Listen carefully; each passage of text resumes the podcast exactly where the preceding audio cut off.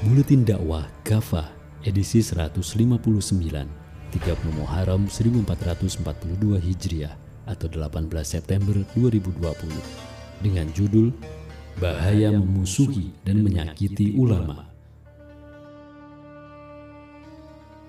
Ulama adalah sosok yang Allah SWT muliakan. Sudah sepantasnya kaum muslim juga memuliakan ulama, melindungi dan menjaga mereka tidak memperolok-olok apalagi menyakiti mereka. Sayang yang terjadi di tanah air untuk kesekian kali terjadi serangan terhadap ulama dan tokoh Islam. Bukan saja diolok-olok, bahkan nyawa mereka sampai terancam. Sebagian dari mereka ada yang dianiaya di rumah, di masjid, bahkan kini di tempat terbuka di tengah panggung dakwah. Sebagian luka-luka, sebagian lagi bahkan dianiaya hingga wafat. Keadaan ini menggambarkan bahwa para ulama dan tokoh Islam belum bebas dari ancaman. Kemuliaan ulama. Maraknya ancaman terhadap para ulama dan tokoh Islam adalah sebuah ironi. Pasalnya kita hidup di negeri yang berpenduduk mayoritas muslim. Setiap hari kita juga mendengar semakin banyak orang yang berani mengolok-olok ulama dan tokoh-tokoh Islam. Pelecehan tersebut terutama ditujukan kepada para ulama dan tokoh Islam yang giat melaksanakan amar ma'ruf nahi mungkar Misalnya baru-baru ini, seorang elit parpol menghina keberadaan MUI dengan menyebut lembaga ulama itu selevel dengan LSM. Bahkan ada kalimat yang bertendensi menyamakan ulama dengan binatang. Mulut-mulut kotor mereka terhadap para ulama jauh berbeda dengan predikat yang Allah SWT berikan. Ulama dalam timbangan agama adalah sosok yang istimewa. Pertama, karena para ulama dinaikkan derajatnya oleh Allah SWT beberapa tingkat di atas manusia lain. Dalam Quran surat Mujadilah ayat 11, Allah SWT berfirman, وَإِلَى انشُزُوا فَانشُزُوا يَرْفَعِ اللَّهُ الَّذِينَ آمَنُوا مِنكُمْ وَالَّذِينَ أُوتُوا الْعِلْمَ دَرَجَاتٍ وَاللَّهُ بِمَا تَعْمَلُونَ خَبِيرٌ yang artinya Allah meninggikan orang-orang yang beriman dan orang-orang yang diberi ilmu di antara kalian beberapa derajat. Allah Maha mengetahui apa yang kalian kerjakan. Tidak ada manusia yang diberi kebaikan oleh Allah SWT melainkan para ulama. Sabda Nabi Shallallahu Alaihi Wasallam, siapa saja yang Allah kehendaki untuk mendapatkan kebaikan, dia akan menjadikan dirinya fakih dalam agama. Hadis riwayat mutafaku alaih. Nabi Shallallahu Alaihi Wasallam menyebutkan ketinggian derajat para ulama di dunia ini dibandingkan dengan segenap manusia. Dalam riwayat lain, Nabi Shallallahu Alaihi Wasallam menyebutkan ketinggian derajat para ulama di dunia ini dibandingkan dengan segenap manusia. Permisalan ulama di muka bumi seperti bintang yang ada di langit. Bintang dapat memberi petunjuk kepada orang yang berada di gelap malam, di daratan maupun di lautan.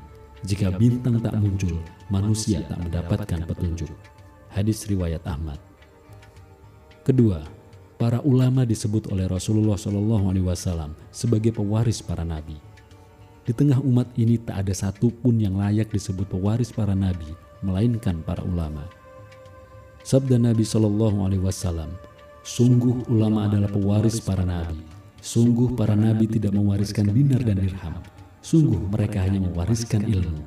Siapa saja yang mengambil warisan tersebut, ia telah mengambil bagian yang banyak.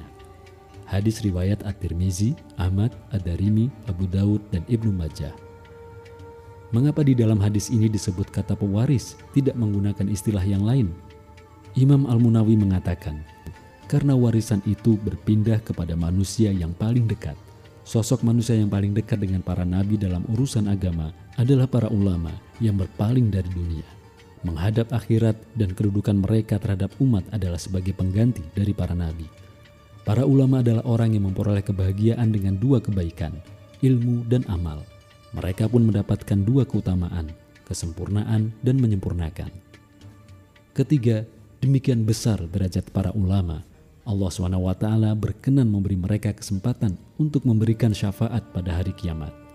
Sabda Nabi Shallallahu Alaihi Wasallam akan memberi syafaat kepada hari kiamat tiga golongan, para nabi, ulama, lalu para syuhada. Hadis riwayat Ibnu Majah. Keempat, karena keberadaan para ulama pula agama ini terpelihara dan umat akan terjaga dari berbagai kesesatan.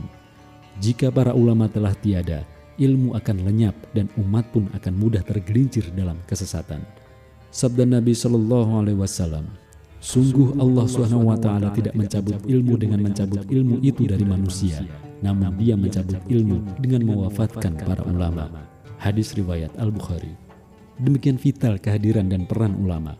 Kematian mereka adalah musibah berat bagi umat. Berpulangnya mereka tidak bisa digantikan dengan mudah, bahkan oleh ribuan ahli ibadah sekalipun. Dalam Mukaddimah Kifayah Al-Ahyar dituliskan perkataan Umar bin Khattab radhiyallahu an. Kematian seribu ahli ibadah yang senantiasa bangun malam untuk sholat dan berpuasa pada siang hari lebih ringan dari kematian satu orang alim yang mengetahui apa yang Allah halalkan dan apa yang diharamkan.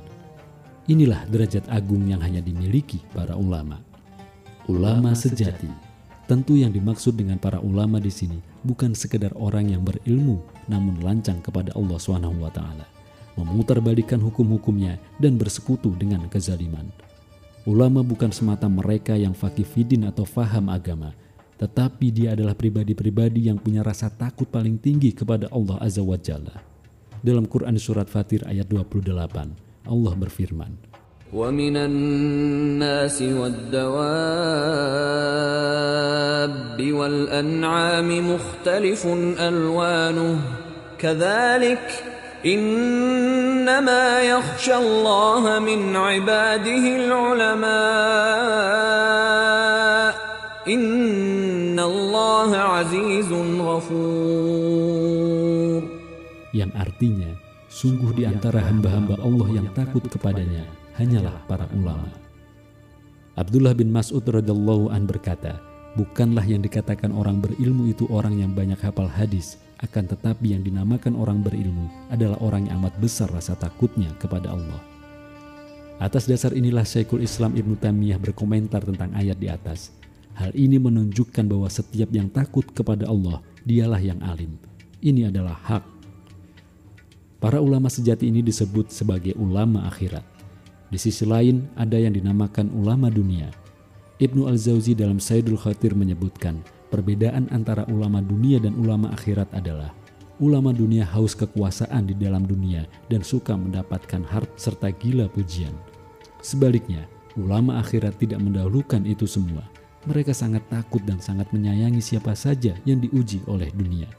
Ulama yang menjual agama untuk sampah dunia berupa harta dan ketenaran, menjilat kekuasaan serta memutar balikan ayat-ayat Allah, justru kelak akan didera kehinaan dan siksaan pada hari akhir. Allah SWT telah memperingatkan umat akan bahaya sikap condong pada kezaliman dan para pelakunya. Lihat Quran Surat Hud ayat 113.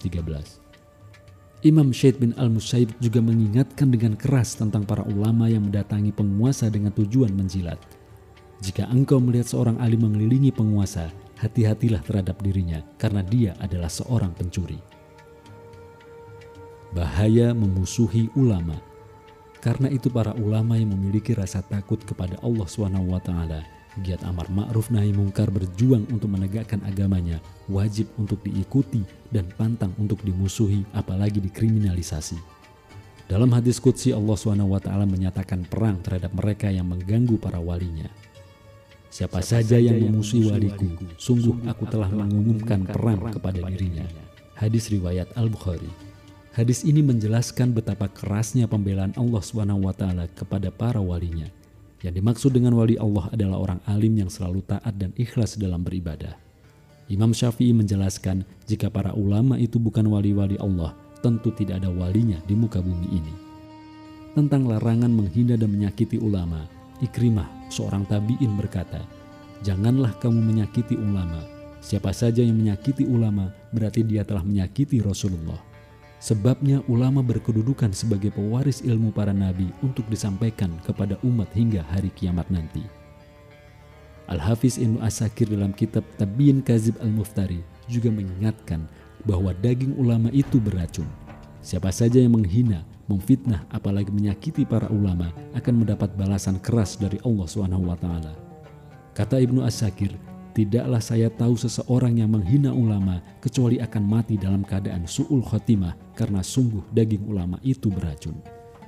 Begitu kerasnya ancaman Allah SWT dan Rasulnya terhadap orang-orang yang memfitnah, memusuhi, termasuk mengkriminalisasi para ulama dan pejuang Islam apalagi jika tindakan mereka disertai dengan pelecehan dan penistaan terhadap ajaran Islam, seperti menangkapi mereka yang mendakwahkan seruan penegakan syariah dan khilafah Islam, bahkan menyamakan ajaran kekhilafahan dengan ajaran komunis.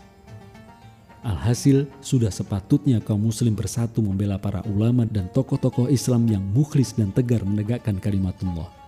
Umat wajib melindungi dan membela mereka, tidak memandang apa ormas dan kelompoknya.